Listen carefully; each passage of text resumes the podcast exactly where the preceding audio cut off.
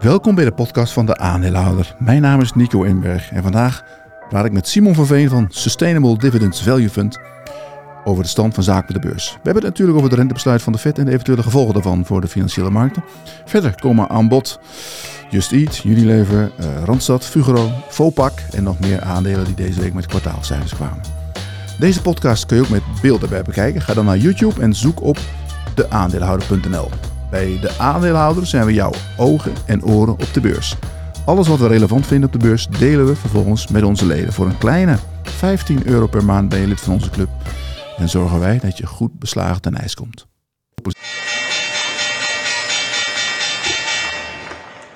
Ja, goedemiddag. Welkom bij de podcast van de aandeelhouder. Het is vandaag donderdag 27 juli en de AX nadert de 800 as we speak, 793. En uh, het is een uh, wild west natuurlijk op de beurs deze week, want veel bedrijfscijfers, heel veel bedrijfscijfers, halfjaarcijfers met uh, hier en daar grote uitslagen. En daar gaan we het over hebben vandaag en dat doe ik met Simon van Veen. Simon, ja. welkom. Ja, dat is al lang geleden Ja, dat is al een halfjaartje geleden. Je bent er ja. even uit geweest. Ja, druk? druk, ja, absoluut. Ja. Waar ben jij je druk? Nou, uh, sowieso met het uh. En, ja. en, en ook op thuisfront. Uh, dochter erbij. Een dus, kleine geboorte. ja, kleine. Dankjewel. Ja. Alles gezond? Gelukkig wel. Ja. Nou, hartstikke mooi. Goed te horen. Maar je bent er weer bij. Uh, ja, een hoop gebeurt natuurlijk op de beurs. Uh, ja, er gebeurt heel veel. Het zijn uh, midden in het halfjaarcijferseizoen. En het leuke van halfjaarcijfers is dat ze allemaal zo lekker dicht op elkaar zitten. Hè. Die jaarcijfers ja. die worden al meer uitgesmeerd over een paar maanden. En, en iedereen wil uh, ja, nu snel die cijfers rapporteren en daarna op vakantie van die bedrijven. Het is ongelooflijk. Het lijkt nu alsof alles in anderhalve week samenkomt. Ja, goed, we gaan heel, heel veel namen langskomen. Ik roep gewoon wat en dan zeg jij maar gewoon ja of nee, of hoger of lager, whatever. even kijken. Randstad, Unilever, Shell natuurlijk even, Asmi, Bezi. heel kort, want daar hebben we uitgebreide andere video's van met die Jordi. Uh, Basic Fit, AMG, Fugro. Leuk bedrijf wordt het ja, weer. Fugro. Absoluut, ja. uh, en uh, we gaan ook wat aandelen uit je eigen portefeuille behandelen. Want je bent onder, onder andere ook een pro pro belegger natuurlijk. Maar laten we eerst even beginnen over jouw je fonds. Je Sustainable ja. Dividend Fund. heel even kort. Uh, ik begreep van jou dat particulieren daar nu ook in kunnen beleggen, rechtstreeks. Ja, dat is uh, ontzettend leuk. Um, wij hebben dus een, een, een beleggingsfonds um, in Nederland uh, al een jaar of zeven inmiddels. Maar daarnaast hebben we sinds vorig jaar nu ook een, ja, een voor, ja, voor particuliere beleggers. Een retailfonds, zeg maar. En um, dat uh, staat inmiddels op het schap bij ABN AMRO. Dus iedereen met een ABN AMRO beleggersrekening, die, uh, die kan, daar, uh, kan daar instappen. Ja, maar hoe werkt het dan precies? Ik bedoel, werkt het als een ETF? Of is het een beleggingsfonds wat dan één keer per dag van koers verandert? Ja, of het hoe is, gaat dat? Ja, dat is inderdaad een beleggingsfonds wat, wat één keer per dag van koers verandert. het Equitas European Dividends Value Fund. Ja. En er is één keer per dag dus handel in.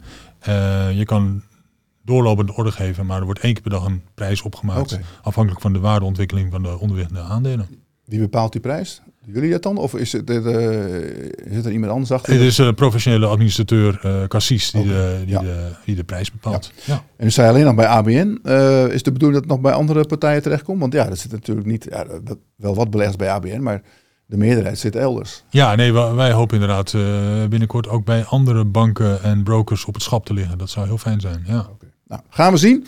Uh, ja, Simon, we beginnen altijd, dat weet je natuurlijk nog, van, uh, uh, je bent hier eerder geweest, de verbazing van de week. En ja, wij gaan dat nu doen met jou natuurlijk. Waar heb jij je deze week over verbaasd? Nou ja, ik, ik zag toevallig van de week maandag of dinsdag Jitse Groen langskomen. Just die takeaway. Ja, Just die takeaway inderdaad. en die werd gevraagd te reageren op de uitspraak van Albert, dat, nou, ja, dat, dat tijdens de jaarvergadering, dat zijn salarisverhoging eigenlijk een klap in het gezicht van de aandeelhouder was. En uh, ja, die, die, die, die, die zag dat totaal niet. Die was het er helemaal niet mee eens. Die zei nee, mijn salaris is uh, nog maar een fractie van wat die is van mijn uh, buitenlandse collega's, CEO's. Ja. En, en, en ja, dat, dat was dus totaal geen probleem voor de aandeelhouder. Nee. En daar was ik toch wel verbaasd over. Als je je eigen beurskoers met 80% hebt zien dalen. En, en, en dan niet snapt dat het voor een aandeelhouder uh, heel raar is als je je salaris vervolgens met 40% verhoogt. Ja. Uh, dan, uh, ja, dan ben je toch misschien net iets te ver van, ja. van je gewone aandeelhouder af, afgedwaald. Ik moet zeggen, Albert heeft die, die, heeft die jaarvergadering behoorlijk op stelte gezet. Want die heeft van mij in zijn eentje daar gewoon de hele vergadering gekaapt. En een aantal vragen gesteld. Dit was inderdaad één ervan. Maar ja, je, je kan ook, ook redeneren. Want hij, hij zat niet al te hoog hè, met zijn salaris. Hij verdiende rond de 4 ton. Uh, ja, nou ja, ja uh, uh, ik weet niet wat de salarissen bij de aandeelhouders zijn. Nou, ook zoiets. ja, ook zoiets. Ja, dus, dus jij gaat binnenkort ook een Albert een salarisverhoging vragen waarschijnlijk. Ja, dat, denk ik, ja, dat snap ik. Dat kan niet uitblijven. Nee, maar goed, hij, hij, hij ging volgens mij wel behoorlijk omhoog inderdaad, naar 6 ton. Maar ze moesten een keer wat doen waarschijnlijk om het een beetje in lijn te stellen met andere. Hij heeft natuurlijk ook een. Het is niet alleen hij, maar hij heeft ook een. Ja, het hangt maar net wel met wie je in lijn stelt. Hè? Als je in lijn stelt met je, met je pizzabezorgers, dan zou er misschien wat vanaf moeten. Ja, maar dat is ook, het ook wel zeggen. Maar ze hadden wel, uh, nou ja, uh, de aandeelhouders zijn nu wel een klein beetje weer. Uh, iets, iets, iets minder ontevreden, zou ik zo ja. zeggen. De uh, koers, alhoewel vandaag weer wegzak, maar gisteren toch wel een mooie stijging, ook de afgelopen dagen. Hè. Toch een, uh, ja, cijfers waren wel goed. In die zin dat, dat de, de aangepaste EBITDA, die, ging, die was hoger dan verwacht. Ja, ja dat is waar. Als je alle kosten weglaat en alleen naar de omzet kijkt, dan, is, dan valt het mee. Ja, ja. Je houdt niet van het woord adjusted. Nee, ja, goed. Adjusted is gewoon een soort uh, rode vlag. Hè. Dan gaat er wel een beetje af. Dan moet je kijken van wat zijn de aanpassingen en, en, en uh, hoe terecht is dat. Ja. En uh, in dit geval denk ik misschien niet heel terecht. Grappig. Ik zag een tweetje van die man en die zei, die, zei, die reageerde op takeaway op Twitter. En die zei van ja, ik, er stond 14 keer aangepaste in het, in, in het, in het persbericht. De, de volgende keer, ik vond het mooi cijfer, maar de volgende keer graag zonder aangepaste. Ja. Ze wilden dat de cijfers aangepast worden. Um, nou, waar, waar, ik me deze week over verbaasd heb, en dat is nog steeds aan de gang, de, de, dat weet jij misschien nog wel, je loopt ook al een tijdje mee natuurlijk. Uh, de, de Dow Jones is 13 dagen op rij hoger gesloten. Ja. 13 dagen op rij. Ja, dat is, ja, dat is waar. Dat is niet ook een mooie verbazing. Het is eerder gebeurd. Uh, ze vermoeden zelfs dat het ergens in, in 1800 nog wat ook een keer gebeurt. Maar da daar kunnen ze niet de officiële cijfers van, van uh, boven tafel krijgen. Maar in januari 87 is het ook gebeurd. Ook 13 dagen. En volgens mij, wat jij zei, in 1897 is een keer 14 ja. dagen geweest. Ja, ja, ja. dus We, we, gaan nu misschien een nieuw record zetten. Ik weet niet hoe het, uh, hoe het vandaag gaat. Of de, de, de, de Dow, ik zal even kijken of die Dow nu hoger staat of niet vandaag. Moet ik heel even kijken. Uh, Oeh, weer hoger. Ja. Maar dat is, als je al die, ik had die stijging even bekeken om een, een grafiekje van te maken. Er zit zelfs één dag bij dat die twee punten hoger was. Ja. Dus het was allemaal kiele kiele, zeg maar. Ja, ja, maar het geeft wel aan dat de beurs, en dat zie je nu Het is de... hartstikke leuk voor statistici. En, uh, en, uh, maar voor de rest natuurlijk, omdat het procentueel allemaal hele kleine stijgingen zijn. Ja, ja daarom. Maar als het maar niet net zo'n zo'n jaar wordt als in 87 dan. dat liep natuurlijk niet goed af later. Black Monday, weet je nog? Black Monday. Kan je nog herinneren? Ja, nou ja, ja, ja. Maar ik was twintig, ik weet er niks meer van. nee, maar, maar uh, nee, ik, ik zat nog op de middelbare school. Dus, uh, maar uh, toen is de beurs ook weer heel snel hersteld. Hè. Dat, is, dat is de les daaruit. Dat, dat soort hele snelle dalingen vaak weer gevolgd worden door hele snelle ja. stijgingen. Nou ja, we zagen hetzelfde iets recenter bij de, bij de corona-dip in maart 2020. Die, ja, ja, die ging ook wel extreem hard weer omhoog extreem hard in de maanden. Precies. Ja, ja. ja. ja. Nee, goed. Dus het kunt uiteindelijk. Maar het is allemaal statistiek en het heeft niks te maken met of het eerst 14 dagen op rij omhoog gaat of niet. De, de, nee. Nee. nee. Nee, het is leuk om, om even, even naar te kijken. Het is, ja, we gaan zien of het lukt of niet. Het zou leuk zijn, want dat bete betekent wel, je, je zag begin dit jaar, ik, ik volgde zo'n zo'n Amerikaans analist, uh, Walter Diemer heette die. Mhm. Mm -hmm. En die heeft, nou, houdt ook bepaalde dingen bij. En die zei in januari al, zegt van nou, dus nu... Uh, de markt is dusdanig. Hij kijkt dan naar het aantal, aantal stijgers uh, ten opzichte van het aantal dalers. En dat was boven de 2. En dat, dat was volgens hem een teken dat die markt er heel goed bij lag. Ja. En dat was geloof ik 11, 12 keer eerder gebeurd. Dus zeggen wij in principe, je hebt 90% kans op een nieuwe boelmarkt. Ja, Nou ja, nou goed, die is dat, dat, dat is wel zo als je het nu, nu ziet hoe hard het gaat. En nu komt pas echt het sentiment los. Ja, precies. Dat Dus- mensen dus- denken van dus- ik wil ook meedoen, ik wil er ook in. eh Nee, maar goede absoluut. cijfers. Dus dat zou inderdaad gewoon, als mensen dit, dit soort nieuwsberichten lezen, dat kan toch een trigger zijn. Wacht even, eh, ik moet ook instappen, ik ga ook meedoen. Ik heb mijn geld op de plank liggen en eh, ik, ik ga instappen. Dus in die zin kan het gewoon een trigger zijn voor verder positief sentiment op de beurs. Ja. Dan merk je dat in je fonds? Dat bijvoorbeeld mensen nu zeggen van nou ik wil, ik wil extra geld erin gooien? Of Eh, ja, eh, eh, we kunnen de instroom nog steeds aan, maar er zijn Ja. absoluut mensen die, die instappen of, of dan wel bijstorten. Ja. Nou, dat is goed. En dan heb je natuurlijk ook nog even, even gekeken naar de rentebeslissing gisteravond. Eergisteren, was die gisteravond? Van de ja, die was zoals verwacht. Hè. Ja. Een kwartje erbij in Amerika. Mogelijk de laatste renteverhoging in een, in een, in een cyclus van heel veel keer in de laatste Ja. anderhalf jaar. Ongekend natuurlijk hoe snel en hoeveel de rente verhoogd is. Ehm, en ik denk dat de langetermijn effecten daarvan heel behoorlijk zullen zijn. Veel groter dan wat we, wat we nu inschatten. Ja. Omdat natuurlijk, ja, ja eh, eh, het is hartstikke leuk, zeg maar, die rente, uh, nou ja, wat is het, 5, bijna 6 procent hoger. Uh, maar op het moment dat jij, uh, nou ja, twee jaar geleden je, je, je, hypotheek voor 10 of 20 jaar vastgezet, dat heb je er totaal geen last van. Nee. Maar er komt natuurlijk een moment Nee, er wel last van krijgen. dat je er wel last van hebt. En bijvoorbeeld in, in, in, in Amerika zijn de meeste rentevastperioden veel korter dan hier. In de UK ook. Daar is gewoon een rentevastperiode van 1, 2 of 3 jaar bij wijze van spreken. Dus, dus ja, die mensen gaan toch dat voor de kiezer krijgen. Ja. En, en uh, ja, dan als je meer aan rente gaat betalen, moet je bezuinigen op iets anders. En dat ga je terugzien. Ja. Het lijkt ook een beetje op 1987. Hè? Want ik, ik, ik, uh, ja, ik las over dat die 13 dagen op rij in januari toen. Toen kwamen we ook uit een, een periode met hoge inflatie. Uh, met Volker destijds. En toen, toen dacht men ook van, nou, het is nu een beetje achter de rug, we, hebben het onder controle. En uh, nou ja, toen ging half jaar later de beurs wel, uh, boem, ja, ja, nee, dat is... Nou, we gaan het zien. Um, die rente, ja, je bent een dividendbelegger. Hoe, hoe, hoe, neem jij die rente mee in je beslissingen? Nou ja, die, rente zorgt er, die hogere rente zorgt er natuurlijk voor dat, uh, dat uh, waarde, de huidige waarde van toekomstige kaststromen, en dat is waar we naar kijken, ja. en dat, die, dat, dat die wat minder is. Hè? Dus, Ja. dus uh, wij zijn op zoek naar bedrijven die, ja, die gewoon mooie toekomstige kaststromen hebben en die ze dan kunnen gebruiken om te investeren, maar ook om als dividend aan de aandeelhouder uit te betalen. Uh, ja, de huidige waarde daarvan die wordt wat minder als je rekenrente omhoog gaat. Dus daarom uh, ja, zijn we allemaal wat voorzichtiger en zijn, zijn we aan de, sommige aandelen flink onderuit gekomen. Ja. En als iemand tegen jou zegt van uh, dividend is een sigaar uit eigen doos, sla je hem dan gelijk op zijn... Uh...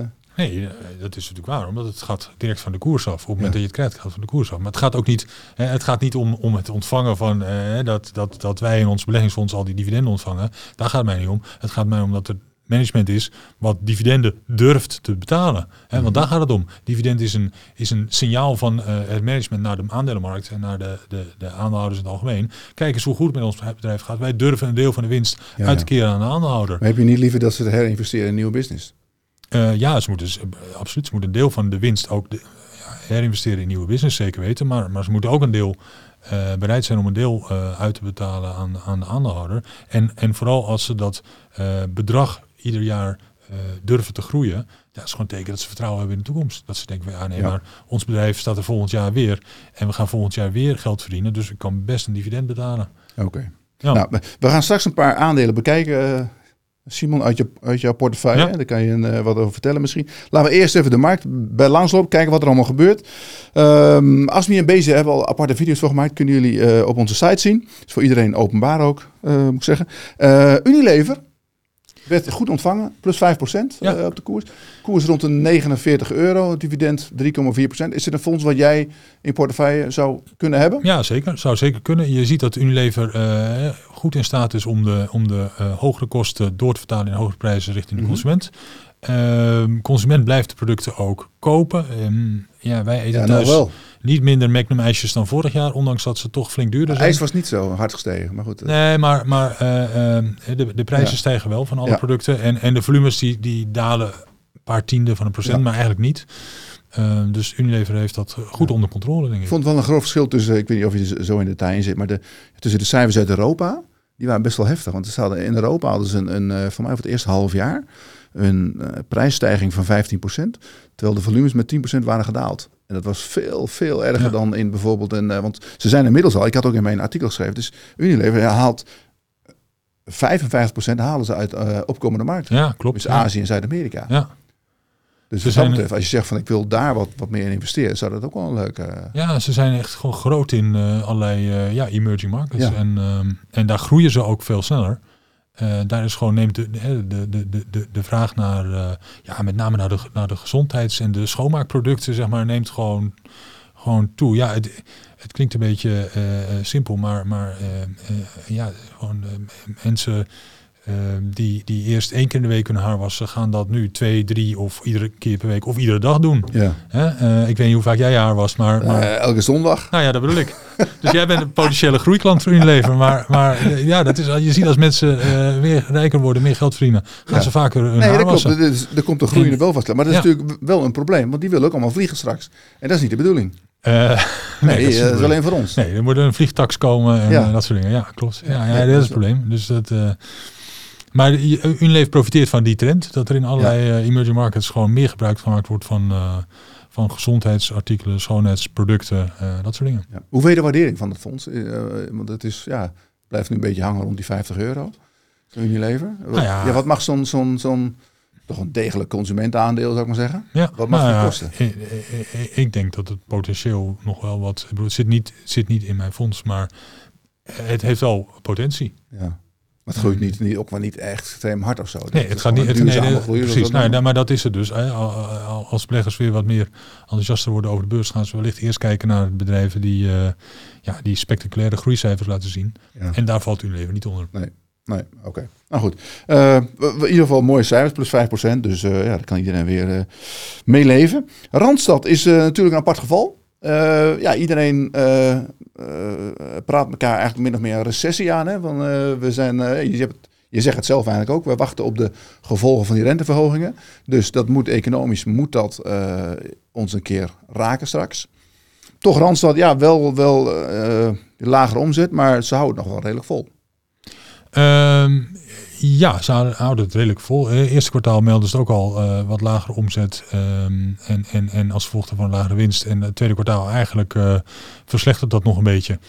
Ehm, ja, het is een vroege indicator. Hè. Dus als bedrijven eh terugval in de vraag zien of recessie eh, vrezen, dan, dan, dan gaan ze als eerste eh, uitzendpersoneel ja, contracten niet verlengen. Daar Ja. komt het eigenlijk gewoon op neer. Ja. En dan is er minder vraag naar uitzendpersoneel. Flexibele schil gaat er al Flexibele schil gaat eraf als eerste. En, en, en dat, Maar is dat, nu ziet niet anders? Dat, dat, dat bedrijven misschien zeggen van ja, we moeten nu toch wel oppassen. Want eh, we hebben gezien in corona, in coronatijd hebben heel veel mensen, heel veel bedrijven hebben mensen eruit gegooid. En die kwamen niet meer terug. Die gingen wat anders doen. Nou ja, dat, Nu zit iedereen eh, toch een beetje, de bedrijven zeggen van ja, eh, we hebben wel onze mensen nodig. Arbeidsmarkt is steeds hartstikke krap. ja, nou ja, dat klopt. Maar, maar er zijn natuurlijk wel degelijk bedrijven die, ja, die, die in hun personeel gaan Ja. snijden. En niet per se grote aantallen, maar... maar Wel wat. het Het is natuurlijk ook zo, als er, als er geen mensen zijn, is voor Randstad ook niet goed.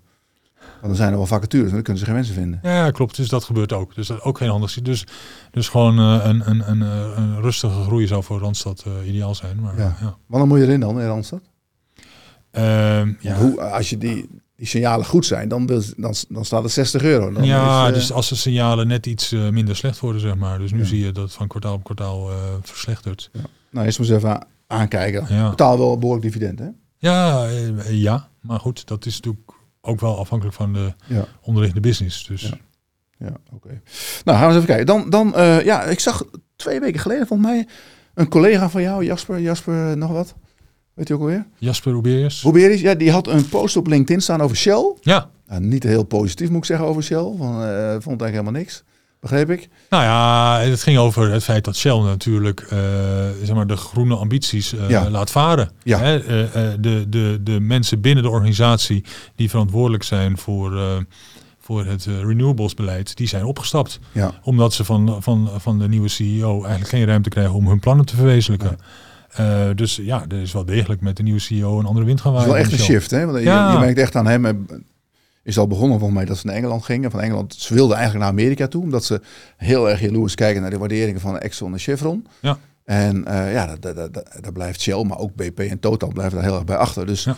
eh, en ik moet ook zeggen, die cijfers waren ook niet, niet eh, echt heel goed. Maar goed, wel oké, zou ik maar zeggen. Weer aandelenkoopprogramma, hoge dividend, wat ze al hebben beloofd. Maar de, het verhaal op de achtergrond is dat zij eigenlijk kijken om de boel uit elkaar te trekken. Ja. Dat heb je ook meegemaakt bij, hoe heet het, Orsted? Je, je zit in Ja. Orsted, toch? Klopt, er zit in Ørsted, eh, dat is het eh voormalig Deense eh, staatsoliebedrijf. Eh, die hebben, maar goed, dat is al 15 jaar geleden, die hebben hun, hun, hun olieassets verkocht. Ja. En, en zijn overgegaan naar compleet renewables. Dus, Ja. dus, dus windparken, met name op zee, ook wel op land. Maar de groei zit met name in de windparken op zee. En die, ja, die zijn daar wereldmarktleider in geworden. Die zijn Ja, ja. een ontzettend grote Maar speler. hoe is dat bedrijf gewaardeerd op de beurs? Ook vijf keer de winst of eh 20 keer Nee, dat is een stukje duurder natuurlijk, want er wordt Ja. heel veel toekomstige groei ingeprijsd.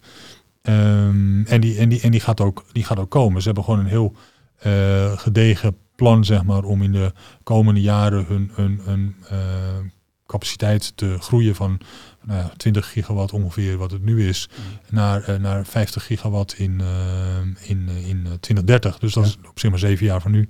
Dus in zeven jaar tijd gaat, u, gaat dat 2,5 keer zo groot worden. Ehm, dus dat, ja, dat, is, dat is een serieuze groei wat uh, de komende jaren gaat, uh, gaat gebeuren. En zo'n zo'n 13, 14 procent gemiddelde jaarlijkse groei van de cashflow wordt verwacht daardoor. Ja, Um, maar die cashflow, is die, is die al enigszins hoog? Of, uh, ja, die, die, die, het was toch altijd zo dat met die windenergie niks te verdienen viel?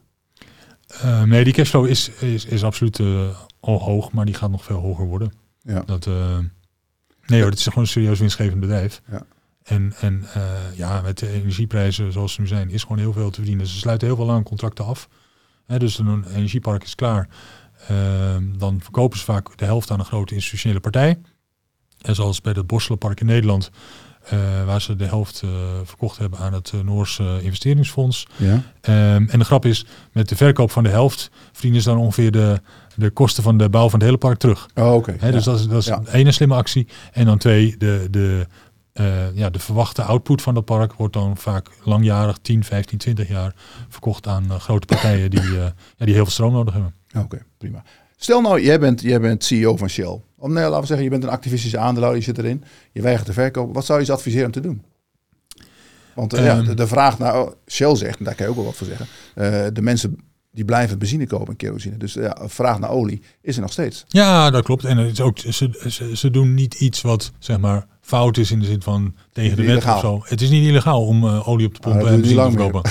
dus, dus, de, hè, dus in die zin, eh, maar er is gewoon eh, heel eh, veel ehm, ja, is gewoon een, een trend gaande dat, je, ja, dat we door gevolg van klimaatverandering en wat er gebeurt minder eh, olieproducten moeten gaan verbruiken. En de overheden willen ook, die stimuleren dat Ja. door, door, door allerlei subsidies en dergelijke. En ja, het is niet verplicht dat Shell daar aan mee gaat doen. Hè? Nee. Ik bedoel, Shell in Nederland zijn ze ja, redelijk bezig met, kijk eens hoe, hoe, hoe we aan het verduurzamen zijn en zo. Maar als je kijkt naar Shell als geheel, ja, dan, dan is het gewoon maar een heel klein percentage van hun totale investeringen die in renewables gaan. Eh, Maar de Amerikanen doen helemaal niks. en de Amerikanen doen, doen helemaal, maar, dat, maar dat, is, dat is ook helemaal niet verplicht. En, en ja, ze spiegelen zich aan, aan die Amerikanen. En kijk, Shell heeft het vaker gedaan. Hè. Eind jaren negentig waren ze toen, eh, toen studeerde ik nog en toen waren ze eh, eh, bij een werkbezoek bij Shell met allemaal studenten. En toen ging het over hun projecten in renewables, hoe ze windmolens. Hè, daar hadden we kregen wij zo'n investment case over hun Ja. windmolenprojecten. Eh, nou ja, daar zijn ze een paar jaar heel druk mee geweest. En, en, en De begin jaren ook al, volgens mij. en begin jaren, tweede, ja, en begin jaren 2000 is dat allemaal weer verkocht en van de hand gedaan. Ze hebben, nee, dat gaat lang termijn toch niks worden. Nee. En, en, en nu de afgelopen jaren, nou ja, onder druk onder andere van de publieke opinie, verandert dat weer en, en, en gebeurt er weer wat meer op gebied van renewables. Maar ja, met het opstappen van de, van, van, van de beleidsmakers op dat vlak, eh, denk ik dat die ambities duidelijk in de, in de koelkast gezet zijn. Ja. Die voelen natuurlijk wel dat het intern gewoon niet serieus genomen wordt. Nee, als jij heel mooie plannen maakt, maar je krijgt geen, mandaat van de top om ook dat geld daadwerkelijk te investeren, dan ehm, ja. Ja. Dus ik ja. denk niet dat Shell, Shell is niet de, de nieuwe Ørsted, zeg maar. Nee, nee, nee. Maar ze, nou goed, ik, ik ben wel benieuwd wat ze gaan doen. Maar ik denk wel dat eh, die, die Savan is wel heel duidelijk in zijn... eh, je weet welke kant hij op wil, dat is heel Ja, duidelijk. ja. Dus hij gaat voor aandeelhouderswaarde. En, en eh, hoeft niet per se olie en gas te zijn, maar daar komt het geld natuurlijk vandaan. Ja. Dus daar zullen ze waarschijnlijk iets mee gaan doen. Maar we wachten rustig af wat er gebeurt. Ehm, gaan we even verder kijken. We blijven even in de olie- en gashoek, Simon. Want ehm Fugro, Fugro is weer terug, hè? Een Ja. Mooie... ehm, ja, Ja, ja, vro- vroeger, vroeger was het natuurlijk uh, in, in, eh, ja, een paar hele moeilijke jaren gehad. eh, omdat die olie- en gasbusiness eh nou, onder druk stond. zeggen. En ehm, ja, nu, eh, nou, één trekt de olie- en gas, de traditionele olie- en gasbusiness weer aan. Maar ze hebben ondertussen de afgelopen jaren ook gezocht naar alternatieven. Hè? Dus Ja. ze doen dingen op infrastructuurgebied, op watergebied, maar vooral ook op het gebied van renewables. Dus, dus hè, er is heel veel ja, onderzoek nodig naar de zeebodem voordat eh Ørsted en, en, en, en dat soort bedrijven die windmolens daar kunnen, eh, kunnen plaatsen. En dat onderzoek naar de geologie van de, van de zeebodem, ja, dat is iets waar, eh, waar Fugro heel goed in is. En waar ze dus eh, heel veel opdrachten voor krijgen. Waar ze ook nieuwe schepen voor hebben gekocht om, om, dat werk te doen. Ja. En waar je gewoon ziet in de halfjaarcijfers waren vanmorgen. Hè, 60% Ja. groei op dat specifieke werk voor renewables. Ja. Dus, Ja, en hogere marges, hè, want het, dat was altijd het probleem natuurlijk. Ze werkte bijna voor niks. En nu zag je volgens mij een, als een winstmarge van 11,8 procent. Dus echt Ja. behoorlijk eh, hoog. Ja. En dan begint er ook echt geld uit te komen straks. Zal Ja. het eh, richting anderhalf euro per aandeel gaan. Eh, als het niet hoger is, het- als, die, als ze die, die marges kunnen handhaven. Is het voor jou een fonds om... want ik komt nog geen dividend uit, neem ik aan. Maar dat zitten ze wel tegenaan natuurlijk. Ja, nou ja, de, de, de, hè, ze hebben dus wel een dividend policy. Dus ze zeggen dat ze tussen 30 en 50 procent van de winst eh, uit willen betalen in dividend. Hè. Daar staat er gewoon het jaarverslag over vorig Ja, jaar. Justy Taco heeft ook een dividendpolicy. Dat heeft ook bedacht. Maar, maar, maar ze zeggen in eh, twee regels verder, zeggen ze ja, we moeten zoveel investeren, zeg maar, hè, onder andere in die twee nieuwe schepen en andere dingen, eh, om, om al die opdrachten te kunnen doen. Dus over 2022 hebben we nog geen dividend betaald. Nou ja, goed, ik ben, ik, ik ben heel benieuwd of ze dat, dat, dat zullen ze nu nog niet zeggen natuurlijk, we zijn om half het jaar, maar, maar hè, of ze over eh 2023 wel een dividend zullen betalen.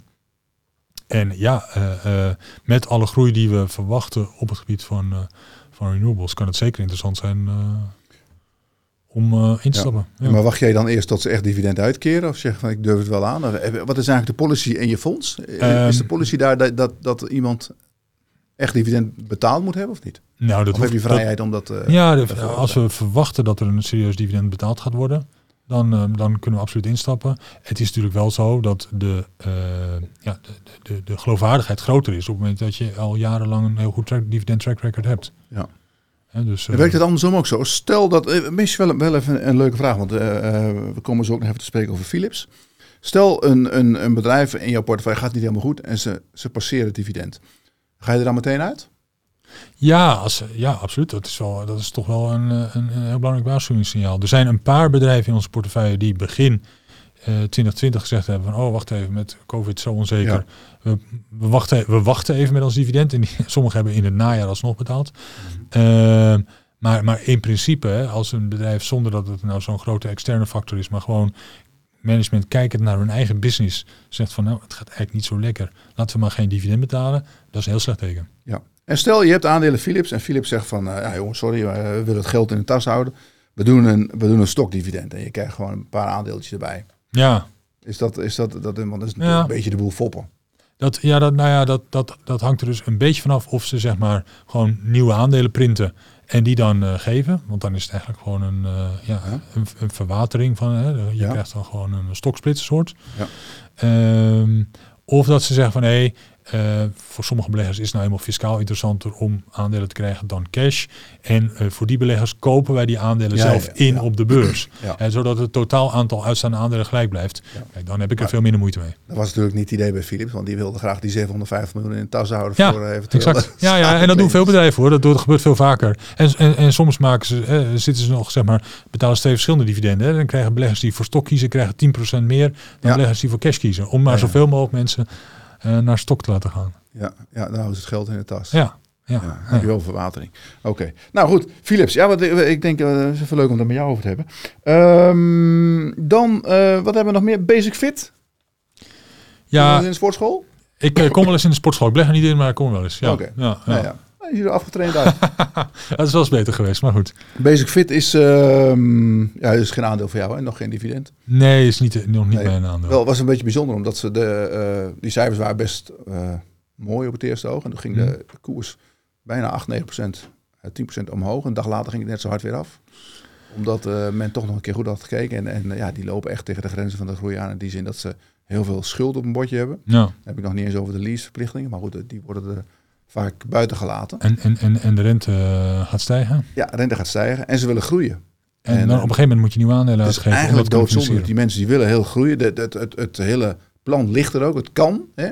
Eh, alleen ze hebben nu geen extra geld. Dus en, en Ja. stel dat ze in Duitsland willen ze groeien. Dat ze nu bijvoorbeeld in één keer een, een eh, concurrentje kunnen overnemen. Die 100 sportscholen heeft. Ja, dan ga je in één keer hard natuurlijk. Ja. Daar hebben ze geld niet voor. Nee, nou ja, dan moeten ze emissie doen. Ja.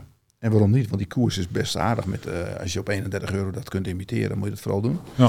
Maar kennelijk willen ze daar nog niet aan. En eh nou ja, hoe we even zien. AMG moet heel even bij langs. AMG meer 15% vandaag. Lithium, grondstoffen. Je hebt geen grondstoffen beleggen. hè? Nee, ik ben geen grondstofbelegger. Kijk, eh, natuurlijk lange termijn is er ontzettend veel vraag naar lithium. Hè? Dus, Ja. dat, maar, eh, dus dat eh, is een mooi verhaal. Aan de andere kant, nu hebben ze last van die, van die prijzen. Eh, wel puntje, er is ook best veel meer lithium dan we denken. Ja. Eh, dus, dus wordt altijd gezegd, Ja, het oh, moet zeldzaam. nog. Hè. Dat is- Ja, het, moet gewoon gevonden worden. Ja, dus dat, is- dat is het moeilijke van, van, die, van die mijnbouwbedrijven. Ik vind dat heel moeilijk dat je, dat je dus geen idee hebt hoeveel er echt is. Ja. En, en, en wat de prijzen zullen zijn in de toekomst. Die zijn enorm volatiel. Ehm, en, en dat als die bedrijven dus dividend eh, betalen, dat eh, ja, dividenden per definitie ook heel volatiel zijn. En daarom is die grondstofhoek, wat feitelijk voor oliebedrijven ook geldt. Hè. Olie is wat dat betreft vergelijkbaar qua grondstof. Ja, maar van olie kan je heel duidelijk zeggen van over, over 15 jaar is er veel minder vraag naar olie. Maar lithium gaat, gaat juist de andere kant op. Ja, dus precies, precies, precies. We, we, we, weten gewoon niet hoeveel lithium er echt is. Ja. Wat ook een beetje raar is als je, of raar, maar als je dan kijkt naar de markt, dat bijvoorbeeld Asmi en Bezi kwamen eigenlijk met tegenvallende cijfers, ASML ook. Nou, dan, dan wordt dan eigenlijk nauwelijks op gereageerd. Uh, maar AMG gaat er wel hard af. Je krijgt wel straf. Die hebben wel een beetje het nadeel van de twijfel. Maar ja, ja. het zal misschien ook met het bedrijf te maken hebben. Um, even kijken. Twee dingen nog, Simon. We gaan even kijken naar Vopak. Die komen morgen met cijfers. Uh, jij, jij, bent hier uh, ja, altijd aanwezig vocaal over Vopak, zeg maar. En we willen gaan een paar aandelen behandelen uit je portefeuille. De aandelen die mensen nog niet kennen, die ik misschien ook niet ken. Laten we het zo even doen. Laten we eerst even kijken naar Vopak. Die komen morgen met cijfers. Um, is dat um, voor mensen die bijvoorbeeld willen investeren in waterstof? Die zeggen waterstof voor de toekomst. Is dan Vopak een, een, een leuk aandeel? Nou ja, het, het, leuke is dat Vopak dus, uh, waar we net over Shell hadden, dat die wel groene ambities zeggen te hebben, maar, maar niet de daad bij het woord voegen, omdat ze gewoon heel weinig echt investeren in, in uh, windmolens en dergelijke. Uh, doet Vopak dat wel. Hè? Dus die hebben een investeringsplan voor 2 miljard in totaal tot 2030, waarvan de helft naar, naar, naar, naar duurzame projecten gaat. Dus, dus waterstof is één van. Ja. maar het gaat bijvoorbeeld ook om eh, CO2-afvang of het gaat om batterijsystemen, dat soort dingen. Uh, en, en, en bij, op het gebied van waterstof kwamen ze dus eerder deze week met een interessant bericht. Hè, dus in, in, Europa zijn we bezig met nou ja, waterstof uit Portugal en, en, en, en, en Spanje halen. Hè, wat mhm. daar geproduceerd wordt met al die zonneparken die ze hebben. Ja. Um, goedkope energie, kan je waterstof van maken. En dan transporteer je dat naar bijvoorbeeld Nederland. En dan kan je dat weer omzetten in water waar energie weer vrijkomt. En dan kan je die energie gebruiken voor, ja, voor van alles. Ja. En wat je maar wil. Uh, nou, hetzelfde gebeurt in Australië, die heel veel zonne-energie hebben en, en ja. nog veel meer gaan bouwen. En dat omzetten in waterstof. En dan heb je dan een terminal voor nodig die dat kan. Mm. En wat gaat Vopak doen samen met de Australische partner? Die terminal bouwen. Oké. En ja, dat vervolgens dan gaat dat gebruikt worden om, om waterstof in de vorm van ammonia te transporteren naar, uh, naar, naar Japan en Zuid-Korea. Uh, wat natuurlijk uh, ja, belangrijke markten zijn die veel energie verbruiken. Ja. maar zelf, zelf niet heel veel ruimte hebben voor grote solarparken. Nee. Oké, okay. oh, interessant. Ja. Wat verwacht je morgen van de cijfers? Nou, ik, ik, ze hebben dus de afgelopen tijd, afgelopen jaar weer, weer wat nieuwe projecten opgeleverd hè, aan, aan, aan tanks, opslagtanks, onder andere op LNG-gebied. Wat natuurlijk een hele mooie business is op dit moment. Um, dus uh, ja, die, die projecten gaan we in de, in de cijfers zien ten opzichte van een jaar geleden. Dus mijn verwachting is wel dat daar een, een, een mooie groei te zien zal zijn. Ja, oké. Okay. Nou, zo, ja, ik bedoel, als dit online staat, dan zijn de cijfers al uit. Dus we kunnen gelijk controleren of het klopt. Ja, precies. Mocht het niet kloppen, dan bellen we je, Ja, dan, gewoon bellen. Altijd en doen. Dan, ja, zeker. Het nummer staat op de eh, website. Dan eisen we een rectificatie. Ja.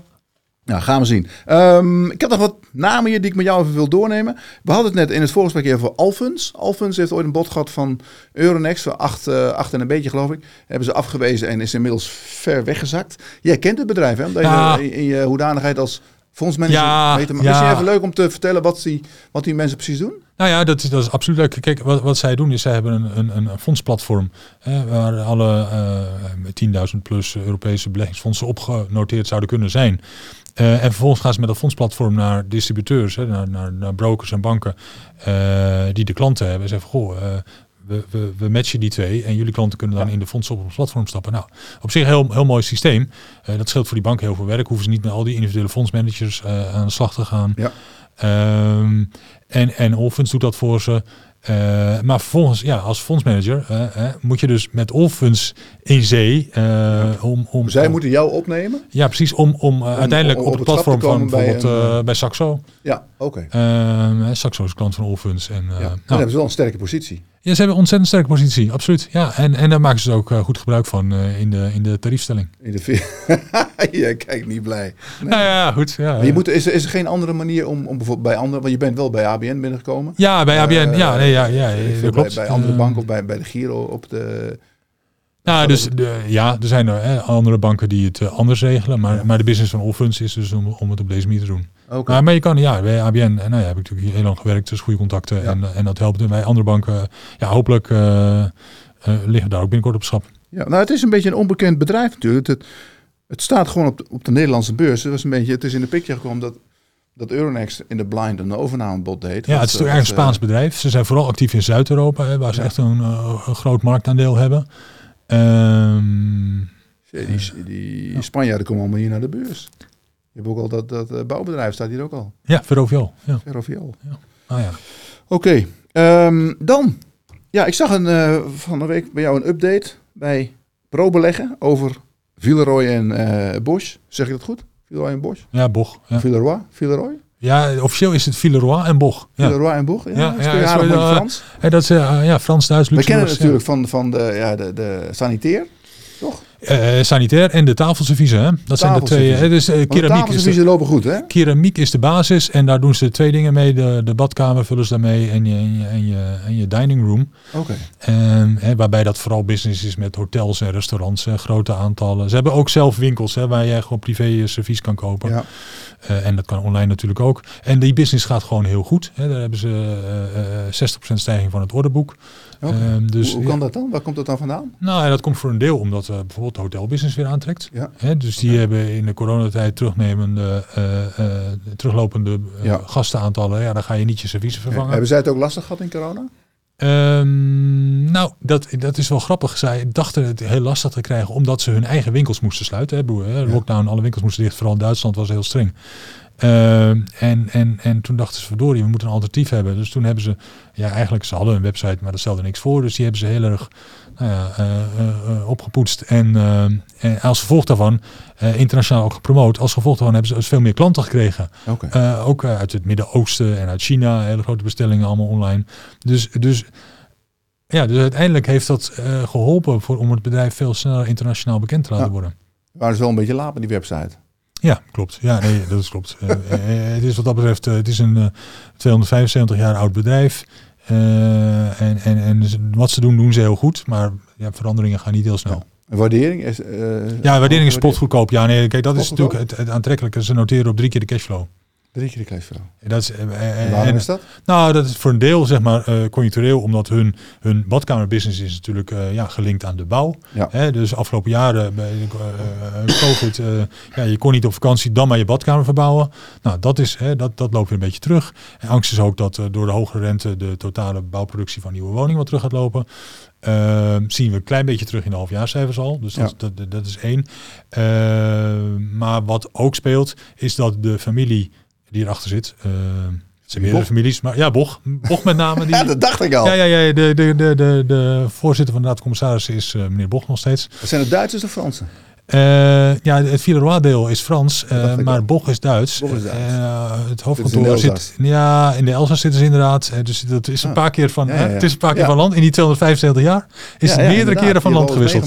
Ja.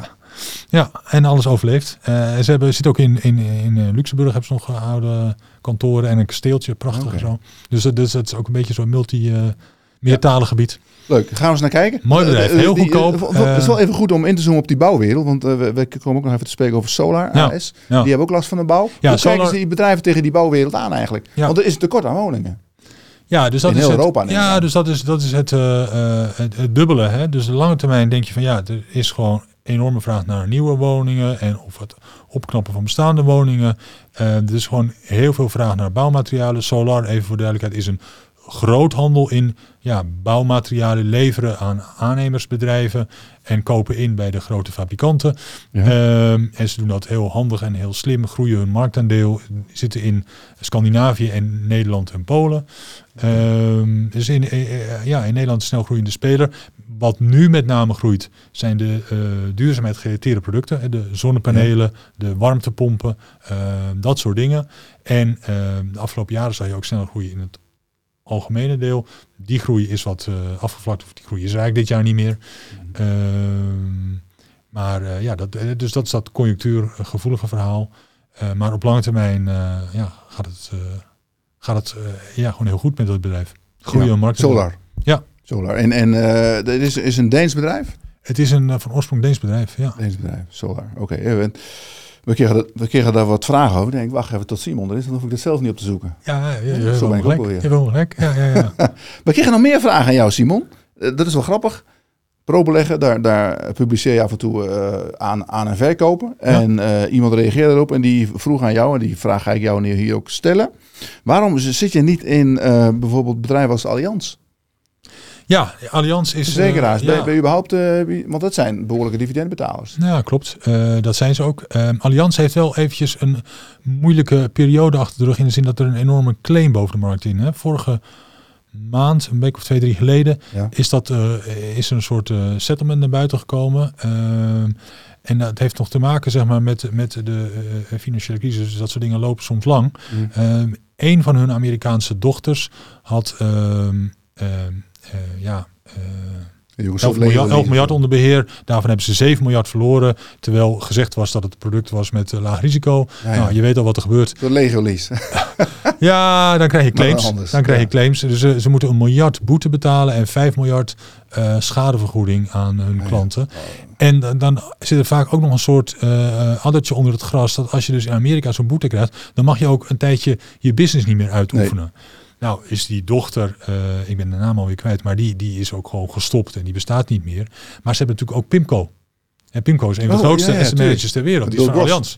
Voormalig Bill. Ja, die, die, en die hebben 170 miljard onder beheer in uh, Amerika. Dus de vraag was nu een beetje, uh, uh, moet Pimco dan ook stoppen omdat die andere dochter een uh, boete moet betalen. Ja. Dat hing zo boven de markt. Okay. En het lijkt nu bij dit voorstel wat er is van de, hè, dit, dit, voorstel om in Amerika is uiteindelijk heel veel dingen komen natuurlijk niet voor de rechter, maar er wordt op een gegeven moment gewoon een, een, een soort afspraak gemaakt. lijkt het erop dat Pimco dus, nou ja, ja, uitstel krijgt van het stoppen. Dus die krijgen dan tien jaar uitstel. Nou ja, dus over tien jaar gaan ze dan nog een keer naar kijken. Dus dat is dan positief. Maar in het algemeen, als ze zeg maar dit soort uh, schade dingen van, van, van in dit geval 6 miljard, of ja, we wisten niet hoe hoog bedrag zou zijn, als dat soort dingen boven de markt hangt, ja, ja, dan, heb ik niet zo heel veel zin. Kijk je een deurtje verder. Ja, er zijn genoeg andere aandelen, zeg maar. Hè. Dus, dat, dus dat was een reden om de afgelopen jaren zeg maar, niet naar Allianz uh, te kijken. Ja, Amerikanen nemen iedere keer die Duitsers te grazen. Zie je ook uh, van de week ook weer. Bayer, Bayer is er goed voor. De overname ja, gedaan. Ja, ja, 63 miljard voor betaald. Terwijl Monsanto, ja. De market cap van Bayer ligt nu rond de 50 miljard. Dat verschrikkelijk. 16 miljard al betaald aan kosten. Ja. En nu weer een dikke winstwaarschuwing. Ja. Ja, dus, dat, dus de, ja, daar moet je mee uitkijken. En volgens mij... Uh, uh, het andere aandeel waar... waar Mercedes-Benz? Ja, Mercedes-Benz, precies, die automakers. Ja, nou, ik las van, van van een week in het FD, ik weet even niet meer welke dag, een heel verhaal over uh, de, de, de, de nieuwe Tesla-fabriek in Duitsland, in Brandenburg. Die nu 5000 uh, eh, Tesla's per week produceert. Dat is wel respectabel. Ja. Uh, dat gaan ze opvoeren naar 10.000 per week. Ja. Dat zijn allemaal elektrische auto's. En dat werd afgezet, zeg maar, de, de productie van elektrische auto's van, nou ja, Volkswagen en Mercedes is nog veel. Volkswagen doet, doet aardig zijn best. Hè. Die produceren inmiddels heel wat van de ID3, 4 en 5. Uh, Mercedes is een aantal. Ja, het zou zomaar kunnen dat ze zeg maar in het luxe segment de slag verliezen met, uh, met Tesla. Ja. maar aan de onderkant van de markt de slag verliezen met, nou ja, noem maar op, BYD en NIO, al die Chinese jongens die onze Volkswagen die gaat wel investeren. Xpeng, hè, die hebben daar 700 miljoen in geïnvesteerd. Dat de aandeel ging 30% omhoog. Nee, ze investeren enorme bedragen. Ze investeren miljarden in elektrische auto's en, en die gaan natuurlijk ook echt komen. Hè. Uh, maar uh, de vraag is of ze ooit zo dominant... Hè, broer, een tijdje terug uh, was Volkswagen gewoon de grootste autoproducent ter wereld. Ja. Ingehaald door Toyota. Maar, broer, ja. maar de vraag is of ze ooit zo dominant zullen worden in elektrische auto's als, als ze in benzineauto's zijn. ik weet het niet. Maar als het antwoord is nee, ja, dan, dan moet je volgens mij niet in Volkswagen zitten. En, en gezien die onzekerheid het lijkt een beetje op de oliebusiness. Hè? Het is hartstikke goedkoop. Vier, vijf keer de winst allemaal. Ja. Maar uh, hoe ziet het er over tien jaar uit? Ja, nou ja, dat is, dat is zo. Ja. Alright. Goed. Simon, we hebben nog vijf minuten over. Oh, jee. En je had, nee, dat maakt niet uit. Je hebt het goed overleefd. Maar we, je had een, een uh, ik zei, zei, tegen je, je neemt een leuk bedrijf mee, wat de mensen jij nog niet kennen, ja. in je portefeuille. Smart Metering Systems. Ja, ja dat is, Nou, dat is een, uh, Brits bedrijf, SMS PLC heet het. Ehm, en die uh, doen eigenlijk iets wat best wel saai is. Die installeren en onderhouden uh, slimme elektriciteitsmeters. Hè. Dus vroeger mhm. hadden we van die meters waar je, die je moest aflezen en dan ieder jaar je meterstand doorgeven. Nou, tegenwoordig hoeft dat niet meer, hè, want dat wordt automatisch ja. gewoon doorgegeven aan een elektriciteitsbedrijf.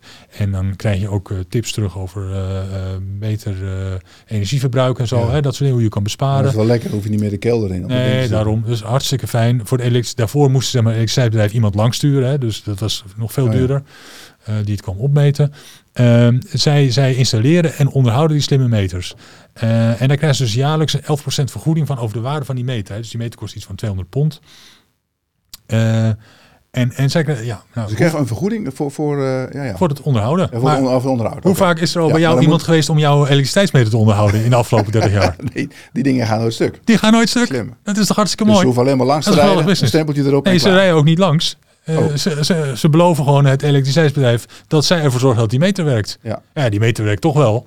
Dus ze krijgen ieder jaar die vergoeding van die elektriciteitsbedrijven voor het onderhoud van die meters. Nou, dus dat, dat, is, dat is de basis van een. Dat is een hele leuke business. Dus en en, en, we zijn dus nu al een paar jaar mee bezig om. Uh, nou, ieder jaar vervangen ze uh, een paar honderdduizend van die meters voor slimme meters. En dan krijgen ze dus die hogere marges. dat is één. En twee is dat ze, en dat is wel nieuw business, dat ze zeg maar batterij parken bouwen. En uh, grote batterijen zeg maar, die worden gebruikt om de uh, energienet te, te stabiliseren. Dus dus in Nederland hebben we windmolenparken op zee. In Engeland hebben ze er vier of vijf keer zoveel. Ja.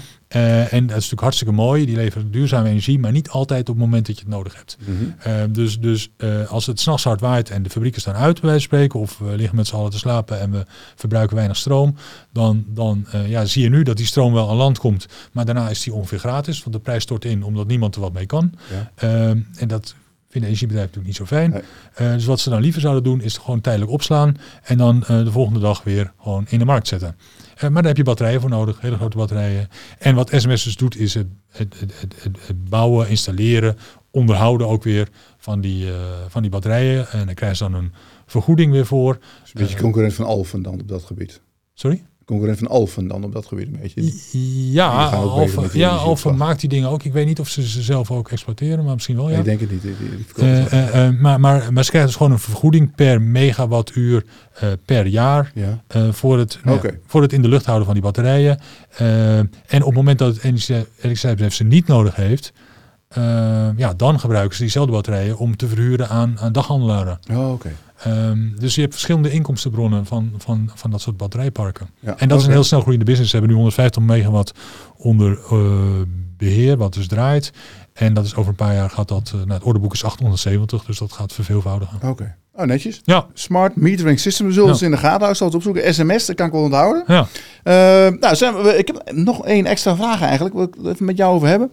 Um, je bent een dividendbelegger natuurlijk. Ja. En, en, wat op het moment uh, waar hele hoge dividenden worden betaald, is het vastgoed. Maar de koersen gaan nog steeds omlaag. Hè. De, niet, niet zozeer het winkelvastgoed, dat gaat wel iets beter. Maar kantoren bijvoorbeeld en, en uh, wonen, het gaat allemaal heel moeizaam. Hogere rente. Ja, ja. Is dat iets waar je al naar kijkt, nu, nu bijvoorbeeld op afgestrafte waarderingen? Of zeg je van, nou, daar blijf ik gewoon af? Want... Kijk, wat je uiteindelijk nodig hebt, is op lange termijn toenemende vraag. Hè, om, om ja, om... Uh, ja, we willen allemaal een woning. Nou ja, dus woningen, woningen inderdaad goede business. Maar de meeste van die vastgoedfondsen zitten met name in kantoren en winkels. Mhm. En ja, de lange termijn trends zijn voor kantoren dat we toch meer thuis doen en minder dagen op kantoor zitten. En de lange termijn trends voor winkels is dat we toch meer online shoppen. En dat er daardoor minder vraag naar winkelruit is. En natuurlijk zijn de allocaties daarvan uitgezonderd. En, uh, maar per saldo per saldo gaat ons winkelbestand achteruit. En per saldo zal denk ik de komende jaren ook het kantorenbestand achteruit gaan. En je ziet natuurlijk nu al hè, dat de kantoren op, op BNC-locaties verbouwd worden tot woningen. Ja. studentenwoningen of, of andere ja. opvangdingen. Of, um, en je dus ziet in dat, in dat, dat op, ik had, had het toevallig laatst met een vastgoedjongen hier op kantoor over. Die zei van, van uh, uh, we kijken bijvoorbeeld naar NSI. NSI heeft uh, de portefeuille met 9% afgewaardeerd. Hij, hij, moest daar een beetje om lachen. Hij zegt ja, in Amerika gaat er gewoon 30% af. Ja. Ja, nou ja, veel rigoureuzer. Maar, maar dat klopt natuurlijk. Die rentestijging die zorgt ervoor voor dat je, dat je flink moet afwaarderen op dat soort, uh, op dat soort dingen. En, en als er veel leegstand is, dan moet je ook meer afwaarderen. Um, en, en, ja, en het is moeilijk om, uh, om die huren flink te verhogen de komende jaren. Want uh, ja, je kan als huurder vaak wel naar een andere locatie tegen een lagere huur in plaats van tegen een hogere huur. Ja, ja. ja, bij het winkelvastgoed wel indexatie natuurlijk. Maar ja, dat is de vraag ook of die winkeliers het dan aan kunnen. Ja, dus of, die indexatie zit dan in de contracten. Ja. Maar de vraag is als je een nieuw contract af gaat sluiten, of dat dan nog op dezelfde manier afgesloten wordt. Heb je helemaal geen vastgoed in je, in je, je portefeuille? Of? Nee, mijn enige vastgoed is mijn huis waar ik in woon. Ja, ja, nee, maar ik bedoel ook bij... bij eh, Nee, nee, nee. Sustainable Sustainable dividends ook. Nee, nee, nee. Nee, nee, je, je hoeft niet in alle sectoren te zitten. Hè. Dat, eh, Ja, nee, ja, ja, ja, vrijheid, blijheid. Ja, je moet wel weer, Ja. De keuze is reuze. ja, nee, dat is het. Dat is Dan het. ik een beetje verder. Goed, nou, ehm, ja Simon, eh, de, de tijd zit erop. We zijn bijna een uur bezig. Ehm, leuk dat je er weer eh, een keer was. Ja. Ja, ik vond het ontzettend leuk om iedereen weer. maar het is ook leuk hier. Ja, Absoluut. Maak Kan, al kan iedereen aanraden. Daarom. Hartstikke mooi. Nou, eh, bedankt voor je bijdrage. Mensen thuis, bedankt voor het kijken. Als je meer wil weten over eh Asmi en Bezi, daarvoor hebben we video's online staan. En dit weekend in het magazine van de aandeelhouder uitgebreide analyses en achtergrondverhalen. En ja, dan zullen we ook wat aandacht besteden aan de fondsen van Simon. En ehm, dan zijn we er volgende week weer. Volgende week donderdag een chatsessie voor de leden natuurlijk. En vrijdag zijn we er weer met een nieuwe podcast. Bedankt voor het kijken en tot de volgende keer.